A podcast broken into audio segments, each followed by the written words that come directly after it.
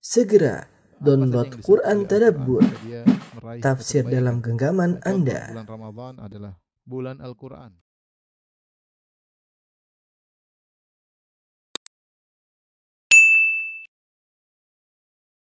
Bismillahirrahmanirrahim. Assalamualaikum warahmatullahi wabarakatuh. Alhamdulillahi ala ihsani wa syukru lahu ala taufiqihi wa amtinani wa asyhadu an la ilaha illallah sya'nih wa asyhadu anna Muhammadan abduhu wa rasuluhu da'ila ridwanih. Allahumma salli alaihi wa ala alihi wa ashabihi wa ikhwani. Eh, hadirin dan hadirat jamaah Majelis Taklim Samara yang dirahmati oleh Allah Subhanahu wa taala. Pada kesempatan kali ini kita akan bahas salah satu adab yang penting bagi kita semua yaitu adab dalam bermuhadatsah yaitu adab ngobrol ya.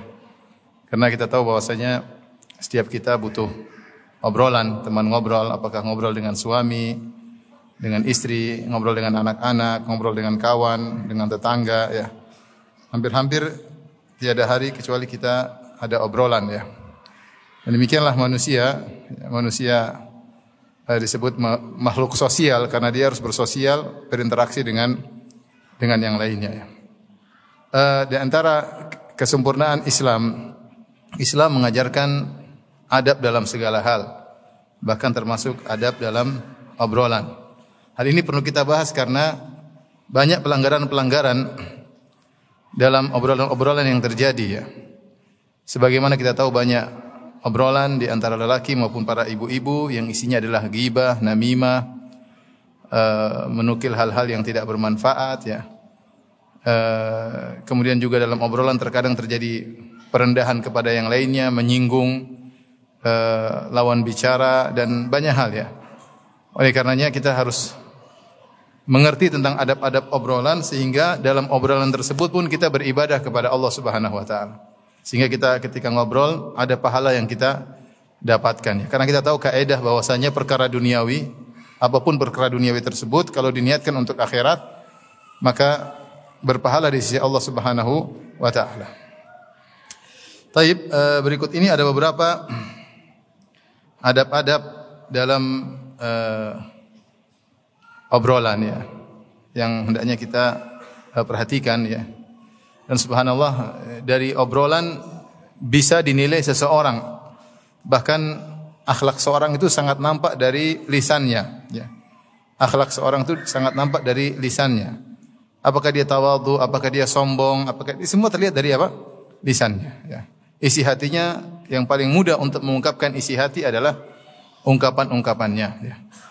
Makanya eh, akhlak seorang tercerminkan dari tutur katanya, dari obrolannya. Seorang bisa jadi dimuliakan oleh teman-temannya karena cara obrolannya yang baik. Dan bisa jadi seorang dihinakan atau direndahkan, dipandang remeh oleh teman-temannya karena cara obrolannya yang tidak menyenangkan. Tidak menyenangkan. Tapi berikut ini beberapa adab-adab yang perlu diperhatikan ketika terjadi obrolan tentunya adab-adab secara eh, secara umum ya. Yang pertama, ikhwan dan akhwat yang dirahmati Allah Subhanahu wa taala, hendaknya kita berbicara dengan orang lain sesuai dengan kadar nalarnya. Sesuai dengan kadar nalarnya. Eh, sebagaimana diriwayatkan dari Ali bin Abi Thalib radhiyallahu taala anhu, beliau berkata hadithun nasa bima ya'rifun.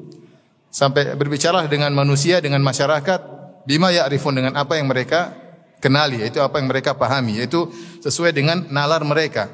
Aturiduna ayyukadzdzaballahu wa rasuluh? Apakah kau ingin Allah dan Rasulnya didustakan gara-gara engkau berbicara dengan hal-hal yang tidak dipahami oleh uh, audiens yang tidak dipahami oleh lawan bicaramu. Uh, demikian dalam hadis yang lain atau riwayat yang lain dari Ibnu Mas'ud radhiyallahu anhu beliau berkata, "Ma anta bimuhadditsin qauman haditsan la tablughu uquluhum illa kana li ba'dihim fitnah." Kata Ibnu Mas'ud radhiyallahu taala anhu, "Tidaklah engkau menyampaikan kepada suatu kaum tentang suatu pembicaraan atau bahkan mungkin satu hadis la tablughu uquluhum yang akal mereka tidak sampai, nalar mereka tidak sampai. Kecuali akan menjadi fitnah bagi sebagian sebagian orang. Nah, kita harus tahu lawan bicara kita siapa. Lihatlah bagaimana Nabi sallallahu alaihi wasallam ketika berbicara dengan Bahkan anak kecil Rasulullah SAW turunkan levelnya. Hadis yang masyhur ketika Nabi SAW melihat saudaranya Anas bin Malik radhiyallahu taala anhu, saudara tiri yang memiliki seekor burung yang kemudian mati burung tersebut, maka Rasulullah berbicara dengan dia, "Ya Aba Umair, ma fa'ala Nughair?" Ya. Rasulullah SAW berbicara dengan anak tersebut dengan pembicaraan yang uh, masuk kepada nalar dia. Apa yang terjadi dengan burungmu? Kenapa kau bersedih? Para ulama menafsirkan. Jadi ketika Rasulullah SAW melihat dia bersedih karena burungnya mati, Rasulullah SAW ingin menghibur dia sambil bercanda. Ada apa? Kenapa dengan burungmu uh, yang kau pelihara? Kenapa mati? Akhirnya untuk menghilangkan apa? Kesedihan anak uh, tersebut. Artinya Rasulullah SAW berbicara dengan anak kecil sesuai dengan uh, akalnya ya. Rasulullah SAW tidak bilang biasa, burung pasti mati. anak kecil ya mungkin ya mungkin nggak paham pembicaraan seperti itu. Jadi demikian, kita ini kalau bicara sama orang, lihat kadarnya. Misalnya saya ustadz, saya ngobrol sama istri. Nggak mungkin saya ngobrol sama istri saya tentang misalnya ilmu jarah wa ta'dil. Tentang rawi-rawi hadis. Nggak masuk akal ya. Saya pulang dari hampir istri saya, eh, sayang tadi ada hadis, ini rawinya begini-begini. Mungkin istri saya, mas, mas. bangun tidur, bangun tidur. Ya, ya, ngapain kita bicara sama istri tentang apa? Perawi-perawi hadis ya. Kita bicara tentang anak-anak, tentang rumah, tentang masakan yang sesuai dengan nalar nalar dia dan sesuai dengan uh, ihtimam dia yang perhatian dia tentang apa. Itu kita jadi apa namanya? Uh, ajakan obrolan ya. Jangan kita berbicara di luar nalar orang sedang di hadapan di hadapan kita ya. Dan itu perlu perlu apa namanya? insting yang kuat. Kita sedang ngobrol sama siapa ya. Ibu-ibu juga demikian kalau ngobrol sama siapa ya. Jangan kemudian baru kenal orang kita bicara tentang perkara-perkara yang tinggi, tentang asma wa sifat, tentang Jahmiyah, tentang Mu'tazilah ya, janganlah ya.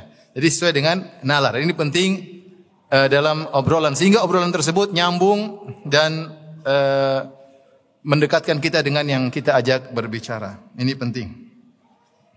Yang kedua, kaidah umum kalau berbicara ikuti hadis Nabi SAW bicara yang baik atau diam. Kata Nabi SAW, Man kana yu'minu billahi wal yaumil akhir, falyakul khairan aw liyasmut. Barang siapa yang beriman kepada Allah dan hari akhirat, maka ucapkanlah yang baik atau diam. Ini hadis kalau diamalkan, maka akan orang lebih banyak diam daripada ngomong. Hadis ini mengajarkan apa? Mengajarkan kita ini kalau mau ngomong mikir dulu baik atau tidak. Para ulama memperinci. Caranya gimana? Kita praktek hadis ini. Rasulullah SAW bersabda, "Man kana yu'minu billahi wal yaumil akhir falyakul khairan aw liyasmut." Barang siapa yang beriman kepada Allah dan hari akhirat, hendaknya dia ngomong yang baik atau dia diam. Bagaimana cara menerapkan hadis ini? Sebelum ngobrol, sebelum ngomong, kita renungkan dulu. Ini bahan pembicaraan kita baik atau tidak. Harus mikir kan? Mana di antara kita seringnya ngomong baru mikir belakangan. ngomong dulu baru mikir belakangan. Nah, Islam menyuruh kita mikir dulu ini baik atau tidak. Baik bagi agamaku atau tidak, baik bagi dia atau tidak. Kalau tidak baik kita diam. Kalau baik dilihat adakah cara pengungkapan yang lebih baik, yang lebih maslahat. Wa qul li ibadi ahsan. Allah berkata katakanlah kepada hamba-hambaku untuk mengucapkan kata yang terbaik. Kalau ada tiga cara pengungkapan yang terbaik, pilih ada tiga baik semua, cari yang terbaik mana pengungkapannya. Sehingga kita beribadah dalam obrolan kita. Kita mengamalkan hadis Nabi. Kita mengamalkan firman Allah. Wa qul li ibadi yaqulu latihi ahsan. Katakanlah kepada hamba-hambaku untuk mengucapkan perkataan yang terbaik. Allati hiya ahsan, yang terbaik. Jadi kalau ada satu kita ingin ungkapkan. Manusia kan punya cara mentakbir, cara pengungkapan yang bermacam-macam metode ya. Cara-cara pengungkapan. Nah, saya ingin ungkapkan saya punya ide pokok nih. A. Cara pengungkapan saya bisa dengan tiga pengungkapan. Pengungkapan pertama, kedua, ketiga. Saya timbang mana yang terbaik. Kalau saya ngomong gini kira-kira bagaimana? Kalau saya ngomong gini kira-kira bagaimana? Nah kita ungkapkan. Tapi siapa di antara kita yang mengamalkan hadis ini? Sebenarnya kalau kita terlatih biasa, seperti kita ngobrol sama teman, teman jawab ini, mungkin dia serang kita, kita jangan langsung jawab. Kita mikir dulu, perlu dijawab enggak? Pikir sebentar aja insya Allah mudah. Kalau perlu jawab, kalau enggak, enggak perlu. Tidak semua omongan kemudian kita uh, jawab. Ya. Jadi dalam obrolan pun kita harus mikir pembahasan kita ini bermanfaat atau atau tidak. Lihatlah betapa banyak orang masuk dalam obrolan berjam-jam mereka ngobrol nggak ada faedahnya. Masih mending nggak ada faedahnya. Terkadang dalam maksiat. Entah menggibah si fulan, menggibah si fulan, mengungkap rahasia keburukan istrinya, menggibah suaminya ya. Uh, yang tidak bermanfaat ya. Uh, masih mending tidak bermanfaat, yang lebih parah adalah dosa. Itu yang jadi masalah ya. Sehingga akhirnya waktu kita terbuang obrolan tadi bukan berbuah ibadah tapi hanyalah menambah maksiat kita kepada Allah Subhanahu wa taala. Sehingga ketika kita meninggalkan majelis, hati kita terasa semakin keras. Itu kita bisa rasakan. Saya duduk sama seorang nih kawan sejam ngobrol. Kita berhenti dari obrolan, kita pergi meninggalkan majelis, hati merasa bahagia, merasa ada keimanan, kerasa. Berarti obrolan kita tadi, tadi insya Allah obrolan yang diridhoi oleh Allah. Karena kita merasa hati kita tentram. Tapi kita ngobrol sama teman kita sejam, ngobrol ngalor, ngalor ngidul, ketika kita berpisah hati kita terasa kok kayak ada perubahan, gak enak. Meskipun dalam obrolan tersebut terasa kelezatan. Ini para ulama mengatakan demikian. Dan itu segala maksiat seperti itu. Contoh seorang nonton film, taruhlah nonton film, dia senang nonton film satu jam dua jam, begitu film selesai dia pasti ada perubahan dalam apa hatinya. Ya. Itu berarti majelis tidak tidak berkah ya, majelis maksiat. Ya, maka eh, seorang mikir-mikir kalau mau bicara topiknya apa nih? Kalau topiknya ternyata tidak benar, hendaknya dia palingkan topik yang lain. Sudahlah, nggak usah bahas inilah, nggak ada habisnya. Kemarin kita sudah bahas ini nggak belum selesai. Besok lagi sampai lusa nggak akan pernah selesai. Sudah kita bahas yang lain bermanfaat. Terkadang kita obrolan yang biasa saja meskipun tidak ada manfaat tapi kita ingin menyenangkan hati saudara kita, kita dapat pahala. Saya kan tadi katakan kaidahnya perkara duniawi. Kalau kita niatkan karena Allah, maka ber, berpahala ya. Makanya Al-Imam Al-Bukhari rahimahullah dalam Sahih Bukhari membuat bab-bab as-samar fil ilm, bab tentang bergadang karena ilmu. Kemudian Ibnu Hajar menyebutkan uh, di antaranya hadis tentang Ibnu Abbas yang mengatakan Eh, bitu inda khalati maimunata fatahaddatsa Nabi sallallahu alaihi wasallam ahli sa'atan. Aku menginap di rumah bibiku Maimunah dan aku mendengar Maimunah radhiyallahu anha istri Nabi ngobrol dengan Nabi sallallahu alaihi wasallam beberapa lama kemudian tidur. Ibnu Hajar mengambil faedah bahwasanya obrolan begadang setelah Isya itu dimakruhkan kecuali yang bermanfaat. Di antara obrolan yang bermanfaat adalah obrolan suami dengan istri. Padahal kita tahu obrolan suami dengan istri rata-rata bukan obrolan yang ilmiah, hanya obrolan apa? Ya melepas rindu suami istri.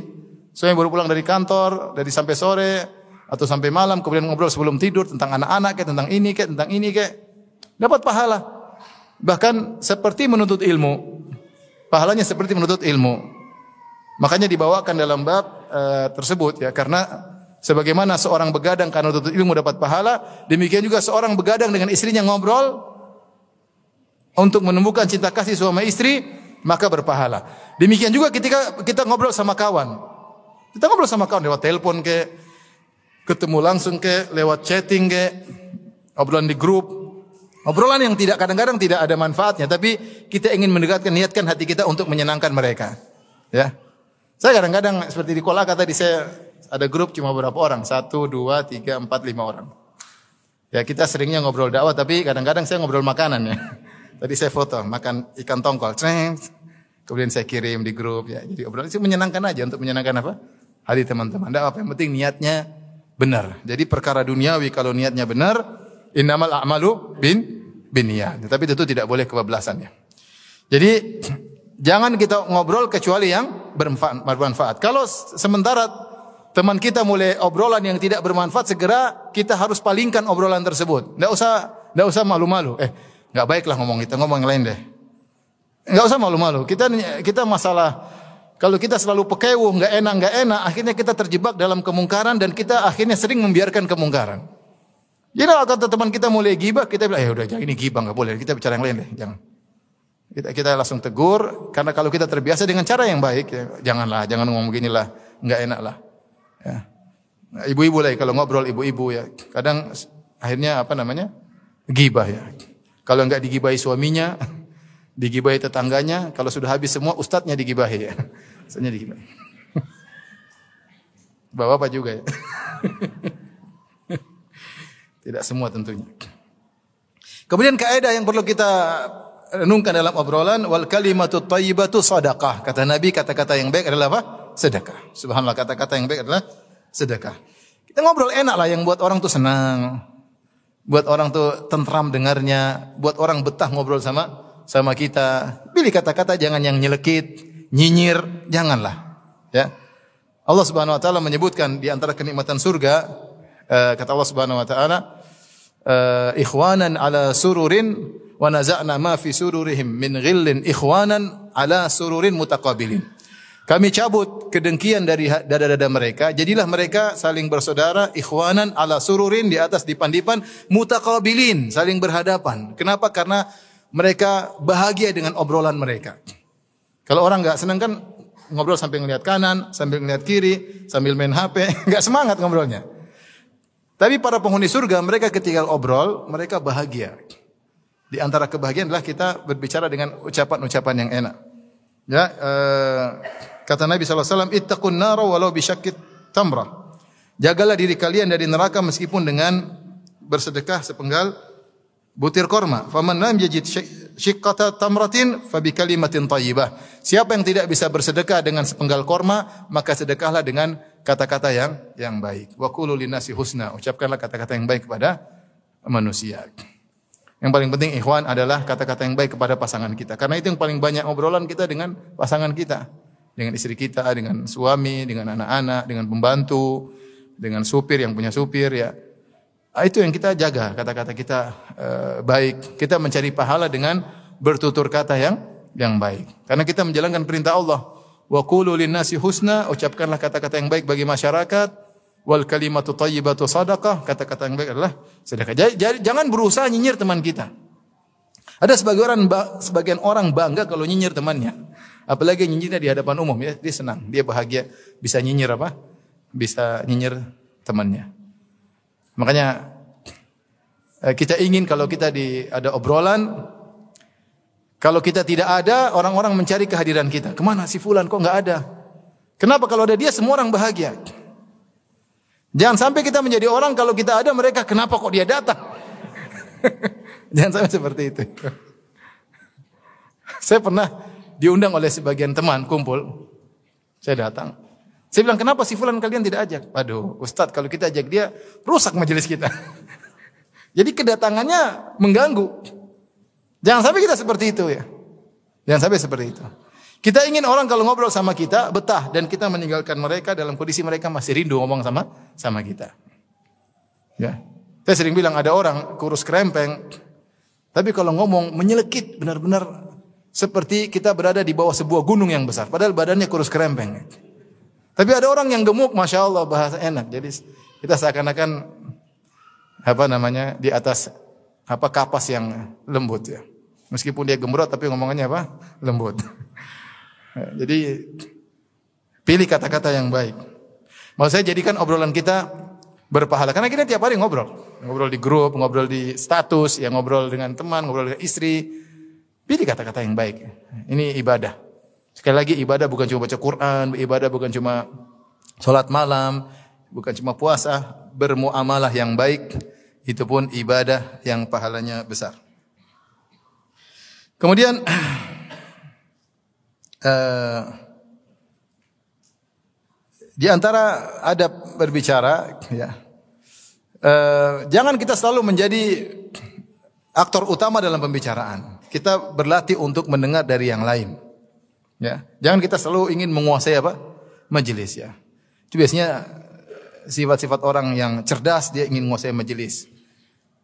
Dia tidak sabar dengan pembicaraan orang karena pembicaranya kelas bawah semua, kelas level bawah. Dia pingin dia yang bicara karena merasa pembicaraannya sangat baik. Tidak betah mendengar pembicaraan orang lain. Kalau ada orang baru ngomong sedikit dia potong. Itu biasa, itu biasanya ciri orang yang cerdas. Kalau nggak cerdas orang bahlul begitu. bahlul karena ya, tapi biasanya orang cerdas gitu, dia tidak sabar. Dia tahu orang ini ngomong apa dia udah tahu. Sehingga belum selesai dia sudah dia sudah bisa timpali karena saking cerdasnya. Jadi dia Pentium 4 ya. Temannya Pentium 1 lambat, dia sudah tahu apa yang mau dia bicarakan. Tapi adabnya tidak demikian. Adabnya kita beribadah dengan sebagaimana kita beradab dalam berbicara, kita juga beradab dalam mendengar.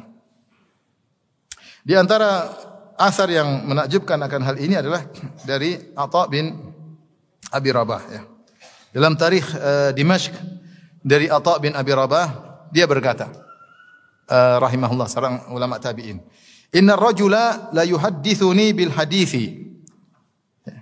Fa unsitu lahu ka'allam asma'hu qat. Kata Atha bin Abi Rabah, sungguhnya seorang berbicara kepadaku dengan suatu pembicaraan atau mungkin tentang suatu hadis. Aku pun menyimak pembicaraannya, seakan-akan aku belum pernah mendengar pembicaraan tersebut atau aku belum pernah mendengar hadis tersebut. Wa qad sami'tuhu qabla an yulad. Padahal saya sudah dengar pembicaraan tersebut atau saya sudah dengar hadis tersebut sebelum dia dilahirkan. Tapi saya dengerin dulu biar dia selesai. Karena kalau kita dengar orang ngomong sampai selesai, dia gembira. Dia gembira, dia merasa dihargai. Uh, Al Khatib Al-Baghdadi dalam kitabnya Al-Jami' li Akhlaqir Rawi wa Adab Sami' dia menyebutkan riwayatnya sampai pada uh, Muaz bin Sa'id. Dia berkata kunna inda Atha bin Abi Rabah. Kata Muaz bin Sa'id kami sedang berada di sisi Atha bin Abi Rabah. Fatahaddatsa rajulun bi haditsin maka ada seorang berbicara tentang suatu pembicaraan atau suatu hadis. Fa'tarada lahu akhar fi hadithihi. Ketika dia ngomong tahu-tahu ada satu yang motong dia belum selesai dipotong oleh temannya yang di situ juga. Ini sama teman. Faqala Atha, maka Atha tegur. Kata Atha bin Abi Rabah, "Subhanallah, ma hadhil akhlaq?" Akhlak apa seperti ini? Orang belum selesai ngomong kamu sudah apa? Potong. Ma hadhil ahlam? Apa ini kebodohan seperti ini? Inilah asmaul haditha min rajul wa ana alamu minhu. Aku mendengar pembicaraan dari seseorang dan saya lebih tahu tentang pembicaraan tersebut dari orang tersebut. Faurihim min nafsi anni la uhsinu minhu syai'an. Aku tampakkan dari diriku seakan-akan aku tidak ngerti. Supaya apa? Supaya mereka senang. Misalnya ada, eh, ada cerita begini, ah saya sudah dengar. Langsung dia, waduh, kasihan. Wah, aku sudah cerita dua kali sama saya. uh, kalau tidak salah, saya tidak salah ingat, Syekh Abdul Razak Hafizahullah pernah bercerita dari anaknya Syekh Abdul, Syekh Abdurrahman bin Nasir Sa'di rahimahullah ta'ala. Jadi Syekh Abdurrahman bin Nasir Sa'di ini ada suatu kejadian terjadi di Arab Saudi. Kemudian dia bersama anaknya berjalan ketemu dengan seseorang, cerita. Syekh ada kejadian gini gini gini. Syekh Abdurrahman bin Nasir Sa'di rahimahullah penulis tafsir As-Sa'di, dia mendengar dengan saksama, kemudian dia komentar, orang itu kemudian pergi. Kemudian mereka berjalan sama dia berjalan sama anaknya di tengah jalan ketemu lagi orang yang lain. Sama beritanya, "Syekh, ada kejadian gini gini gini gini." Syekh dengerin. Dan dia dengar sampai selesai, mungkin dia bilang jazakallah khair atas informasinya. Kemudian orang itu pergi. Dia jalan, ketemu lagi orang ketiga, ceritanya sama. Anaknya Tapi saya dengerin sampai selesai. Adab. Menyenangkan hati orang orang lain. Bukan, eh, saya sudah dengar tadi dua orang tadi sudah.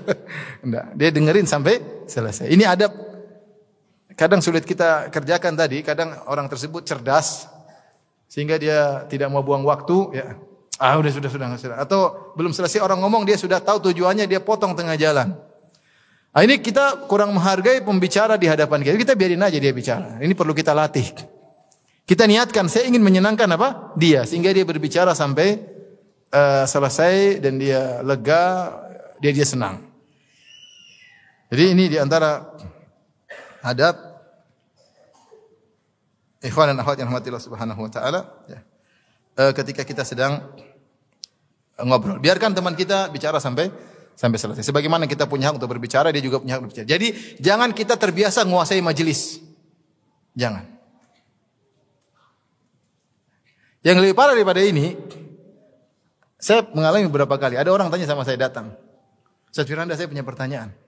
Apa pertanyaannya? Ini saat ada begini. Tahu-tahu, oh jawabnya begini. yang jawab orang di bawah sini. Insya Allah. Jadi bukan saya yang jawab, langsung dia jawab langsung. Ini tidak beradab. ya, entah apa tujuannya. Mungkin mungkin dia ingin membantu saya menjawab. Mungkin yang kita khawatir ingin menunjukkan bahwa dia punya ilmu. Ya. Seorang ya beradab. Dan meskipun dia tahu jawabannya, kita diam aja ya. Kita Ustaz pasti jawabannya begitu, saya sering dengar berapa kali. Enggak usah kita jawab, biar Ustaz yang yang jawab ya. Dan sebagian orang seperti itu ya, langsung potong. Bukan teman yang ustadznya dipotong sama sama dia ya. Jangan seperti itu.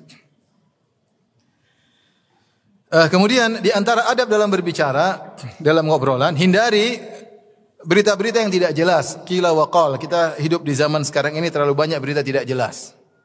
Ya. Dalam hadis Rasulullah SAW uh, mengatakan Inna Allah kariha lakum thalathan. Allah benci untuk kalian tiga perkara di antaranya qila wa qal. Ya, katanya dan katanya. Ya. Bi samatiyatur rajul za'amu ya. Kata Nabi sallallahu alaihi wasallam seburuk-buruk kendaraan seseorang adalah perkataan menurut mereka, persangkaan mereka.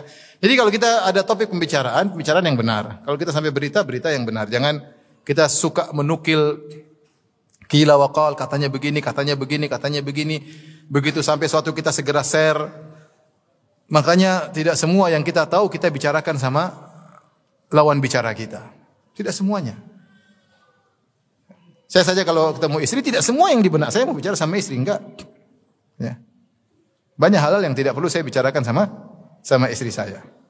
Dan banyak hal yang tidak perlu kita bicarakan sama anak-anak kita. Demikian pula tidak semua yang kita tahu kita bicarakan sama teman kita. Ya. Apalagi berita-berita tersebut ternyata masih dalam khila wa qal, katanya dan katanya. Buat apa kita masukkan sampah di hardis dia? Hardis dia terbatas. Kita katanya begini, katanya begini, katanya begini, katanya begini sehingga banyak informasi yang tidak jelas yang buat dia akhirnya mikir informasi-informasi yang tersebut yang tidak tidak jelas. Kita hidup di zaman sekarang ini banyak informasi yang tidak tidak jelas. Dan kita tidak sempat untuk cross check. Mau cross check gimana? Tidak punya alat untuk mengcross check benar atau atau tidak ya. Berita-berita yang sampai kepada kita, apa kita tahu perawinya adalah orang-orang yang terpercaya? Kan kita nggak tahu. Betapa banyak kejadian keluar dalam berita sebaliknya banyak sekali. Banyak sekali. Kasus-kasus yang kita tahu secara langsung keluar di berita berbeda banyak sekali. Oleh karena tidak semua berita kemudian kita uh, sampaikan apalagi masih katanya dan katanya. Tapi di antara adab dalam obrolan adalah menjaga rahasia pembicara teman kita berbicara meskipun dia tidak mengatakan rahasiakan. Tidak harus dia mengatakan rahasiakan. Kita tahu, kita bisa bedakan ada pembicaraan yang tidak pantas untuk kita nukil keluar. Meskipun dia tidak bilang rahasiakan, kita harus rahasiakan. Karena kita tahu ini perkataan tidak pantas dinukil di luar. Ini banyak musibah seperti ini. Pembicaraan dua orang kemudian di screenshot anunya apa? Pembicaraannya. Jadi musibah. Dia tidak berbicara dengan kita kecuali dia percaya sama kita. Ternyata kita berkhianat. Kita screenshot kemudian kita sebarin. Bahkan kejadian dalam grup, grup, tidak ada yang ini antara kita saja. Itu sudah sepakat semua iya iya iya. Ternyata besok keluar di luar. Repot. Mau tuduh siapa ya? Kita kalau ya Allah tidak boleh seperti itu. Dalam hadis kata Nabi SAW, Idza haddatha rajulu bil hadithi, thumma tafata fahiya amanah. Jika ada seorang berbicara dengan orang lain kemudian thummal tafata kemudian dia berpaling ada yang mengatakan dia pergi atau dia tengok-tengok kanan kiri itu tanda bahwasanya ini rahasia meskipun dia tidak bilang ini rahasia fahi amanah maka itu adalah amanah yang ada di benakmu tidak boleh kau ceritakan sama orang. Jadi orang jangan ember ya. Sebagian ibu-ibu mulutnya ember ya. Sampaikan keluar ke mana-mana. Laki-laki harus ibu-ibu juga harus kuat jaga apa? Jaga pembicaraan. Ya. Jadi ini banyak musibah terjadi, pembicaraan khusus keluar. Jadi konsumsi publik. Tentu kalau dia berbicara di depan publik tidak seperti itu.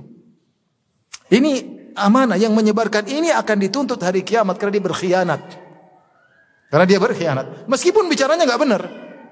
Ya kan dia bicara namanya teman beda dengan pembicaraan di depan publik. Dia lebih terbuka, dia lebih mengungkapkan apa namanya uh, pendapat dia untuk mencari apa namanya bagaimana pendapat kita menurut uh, apa yang dia utarakan bagaimana pendapat kita tahu-tahu kita nukilkan maka ini tidak boleh apalagi kalau dia bilang rahasia ya. Itu lebih lagi tidak boleh kita nukilkan. Ini banyak kasus terjadi uh, seorang dipermalukan gara-gara ada temannya tidak amanah. Pembicaraan khusus kemudian di screenshot kemudian keluar ya. Ini orang yang screenshot orang tidak amanah, pengkhianat, dia akan ditanya oleh Allah pada hari kiamat kelak.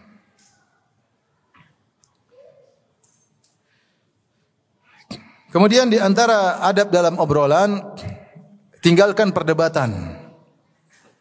Kalau kita mengobrol, obrolan di antara teman mungkin berdua, bertiga. Kalau ternyata obrolan tersebut mulai berubah menjadi perdebatan, mulai ada yang angkat suara, mulai ada yang ketika tulis eh, apa namanya chattingannya agak tajam, udah berhenti, jangan dilanjutkan. Mengalah karena Allah Subhanahu wa taala meskipun kamu meskipun kita di atas kebenaran. Ana zaimun bi baitin fi eh, apa namanya fi rabadil jannah atau fi wasatil jannah liman tarakal mira wa in kana muhiqqan Aku menjamin istana di bagian tengah surga bagi orang yang meninggalkan perdebatan meskipun dia yang benar. Kita ingin menjaga kemaslahatan persaudaraan antara hati kita dengan hati lebih lebih baik daripada kita ingin menang dalam perdebatan. Namanya perdebatan mungkin saja terjadi. Bahkan terjadi pada dua orang sangat mulia Abu Bakar dan Umar pernah berdebat. Sampai ala aswatuhuma sampai suara mereka tinggi. Ketika datang tamu dari Bani apa utusan dari Bani Tamim, kemudian Abu Bakar punya ide yang jadi amir mereka adalah si fulan, Umar punya ide yang lain, si fulan yang lain. Akhirnya suara mereka naik. Padahal mereka adalah dua orang yang sangat mulia. Tapi bisa saja terjadi. Mau saya kemungkinan kita sama teman itu tinggi-tinggian suara sangat mungkin. Meskipun dia sudah bersahabat dengan dia bertahun-tahun, sangat mungkin terjadi. Saat teman kita mulai angkat suara, sudah kita mengalah. Saatnya kita mengalah. Jangan kita, karena sekali kita angkat, dia angkat, bisa jadi hati kita, hati dia mungkin jadi rusak dengan kita. Mulailah persahabatan jadi tidak baik. Setan masuk di antara di antara kita. Jadi nggak usah. Kalau kita bilang sesuatu teman kita ngeyel, ya sudah. Jangan kita ngeyel-ngeyelan. Dia bilang ini begini, ya sudah. Dia bilang dia paksa bilang ini adalah ini, ya sudah kita jangan bilang ini adalah itu. Nggak usah, ya udah. Kita diam aja. Oke, oke, oke, sudah. Jangan dilanjutkan. Kita tinggalkan perdebatan karena Allah dan kita dijamin istana di tengah surga. Pahalanya besar atau tidak? Besar. Agar kita tahu bahwasanya pembicaraan itu ladang pahala. Apa kata Nabi? Ana zaimun bi baitin fi wasatil jannah liman tarakal mira'a wa in kana muhiqqan. Aku menjamin istana di tengah surga uh, bagi orang yang meninggalkan perdebatan meskipun dia yang benar. Meskipun dia yang yang benar. Jadi tidak mesti kita harus menang dalam perdebatan, apalagi cuma perdebatan duniawi. Masalah ini, masalah udah kita ngalah.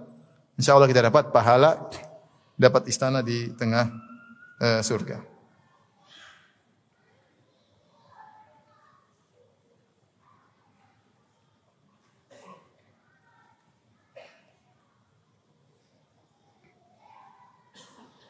Di antara adab dalam diskusi atau dalam ngobrolan sebagaimana hadis yang masyhur kata Nabi wasallam la yatanaja al-ithnan idza kuntum thalatha fala yatanaja al-ithnan duna thalith hatta takhtalitu bin nas lianna dhalika yuhzinuhu atau kama qala Nabi sallallahu jika kalian tiga orang jangan dua orang berbicara tanpa mengajak yang ketiga ya kenapa karena pembicaraan dua orang tersebut bisa menyedihkan orang yang yang ketiga. Ini ada obrolan.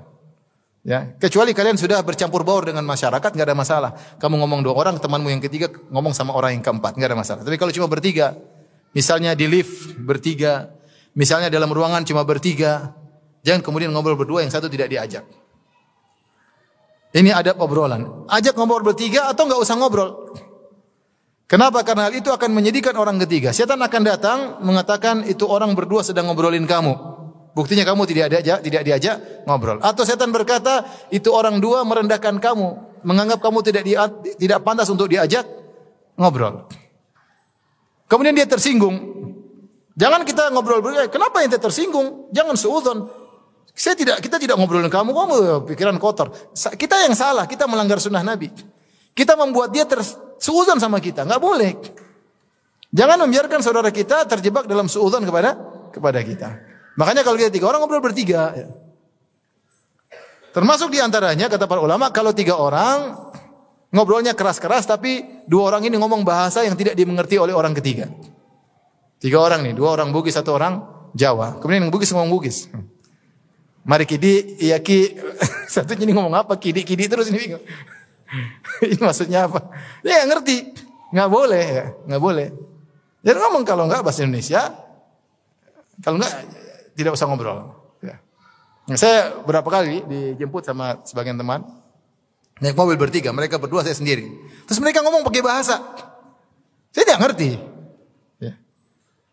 Ya. tentu mereka tidak ngomongin saya, tapi adab tidak begitu. Ya, adab tidak begitu ya. Harus ngomong bahasa Indonesia kalau enggak tidak usah ngomong ya, tidak usah. Apalagi mereka ngomong berdua terus ketawa-ketawa terus sendiri ke saya kan. Pikiran macam-macam ya. Oh, manusia hati kita lemah, kita nggak bisa ngatur hati kita, kita lemah. Mau hat, ha, atur hati kita supaya tidak suudon nggak bisa. Kita lemah. Hati kita lemah, kita sih tidak bisa menguasai hati kita. Perasaan baper dan macam-macam itu sangat mungkin uh, terjadi. Intinya ini hal-hal yang bisa menimbulkan keributan di antara teman obrolan kita kita hindari. Kalau udah mulai angkat suara nggak usah. Ini perkataan kira-kira tersinggung, jangan dilanjutkan. Ya. Semua hal yang bisa merusak hati kita dengan teman kita kita hindari.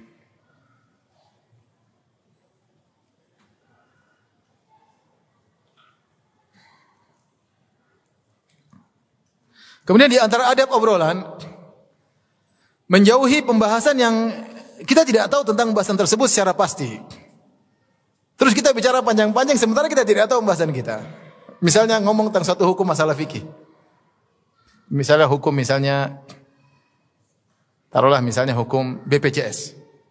Kemudian kita ngomong mungkin begini, kita nggak tahu hukumnya sudah jangan banyak ngomong. Kamu diam aja.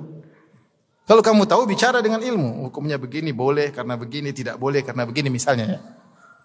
Kalau nggak tahu nggak usah banyak ngomong. Ya. Jadi hal yang tidak kita ketahui tidak usah kita berdalam-dalam dalam perjalanan. Kita buka topik yang kita semua tidak ngerti tentang topik tersebut. Ini hanya buang-buang buang-buang waktu. Akhirnya kita komentar yang tidak ber, bermanfaat.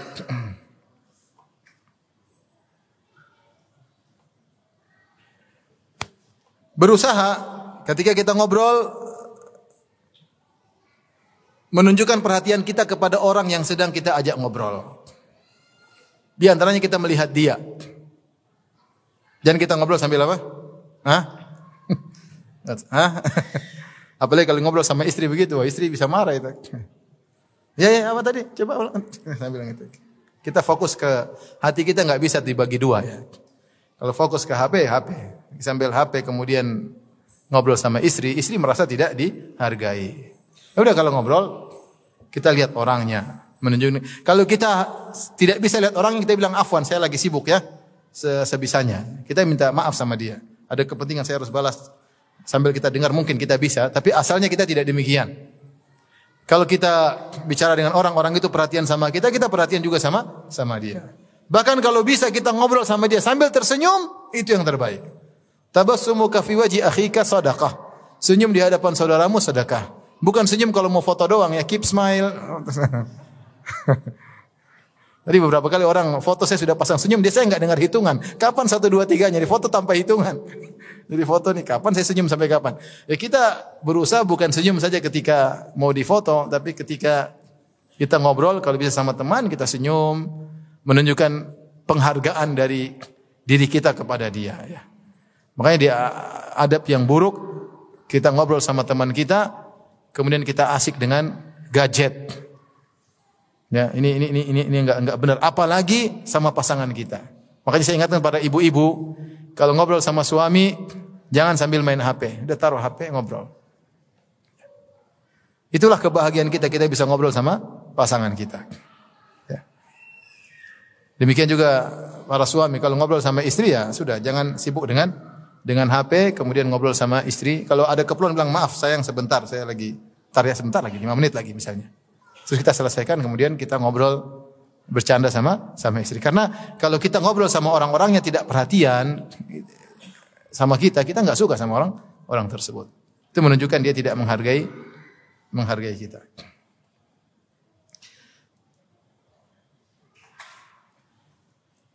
Uh, tentunya ikhwan dan akhwat yang rahmatillah subhanahu wa taala yang terakhir mungkin sebelum kita buka tanya jawab bahwasanya dalam obrolan kita jauhi segala kemaksiatan dalam obrolan ya. Ya, betapa banyak perkataan ya yang diucapkan oleh seorang ya. La yulqil habalan dia tidak perlu dengan kalimat tersebut ternyata yahwi biha ila nari jahannam. Perkataan tersebut menyebabkan dia masuk dalam neraka jahanam. Ya, perkataan yang sepele, perkataan yang mungkar, kemudian kita bicarakan dalam grup atau kita ngobrol dengan teman, ternyata itu membuat kita masuk neraka jahanam. Ini jangan disepelekan ya. Karena dalam hadis yang masyhur sebagaimana dalam hadis Mu'ad bin Jabal ya radhiyallahu taala anhu Rasulullah SAW memegang lisannya, Rasulullah SAW berkata, "Kufa alaika hadza." Tahan lidahmu. Artinya jangan sembarang omong. Mu'az bertanya, "A inna lamu'akhaduna bima natakallamu bih?" Ya Rasulullah, apa kita akan diadab gara-gara omongan kita? Kata Rasulullah, "Sakilat ka ummuk." Fahal yakubun nasa fin nari ala wujuhim aw ala manakhirim illa hasaidu alsinatihim. Kata Rasulullah SAW, bukankah yang menyebabkan manusia banyak tersungkur dalam neraka, digeret di atas wajah mereka, di atas hidung mereka dalam neraka, kecuali akibat lisan mereka? Akibat lisan, lisan mereka. Abu Bakar As-Siddiq radhiyallahu anhu pernah mengeluarkan lisannya dan dia pegang. Dia berkata, "Hadzal ladzi awradanil mawarid." Inilah yang buat aku terjebak dalam banyak permasalahan. Maka jangan gampangan masalah lisan. Lisan ini hati-hati dalam obrolan ya. Eh, Jaga perasaan kawan kita, obrolan yang baik ya. Jauhi dalam majelis kita majelis ghibah, majelis namimah, majelis uh, yang haram, jauhi ya. Jangan sampai kita obrolan kita hanyalah mengantarkan kita semakin masuk ke dalam neraka uh, jahanam. Ini saja mungkin uh, ikhwan dan akhwat yang Allah Subhanahu wa taala tidak lain tidak bukan kecuali agar kita bisa terus beribadah kepada Allah bahkan dalam obrolan-obrolan kita semoga kita dapat pahala di sisi Allah Subhanahu wa taala di antaranya dengan obrolan-obrolan yang baik yang bertujuan baik, yang menyenangkan orang yang kita ajak bicara, yang ada tujuannya berupa nasihat atau yang lainnya, bukan obrolan ngalur ngidul yang tidak ada uh, manfaatnya. Kurang saya mohon maaf wabillahi taufiq wal hidayah. Assalamualaikum warahmatullahi wabarakatuh.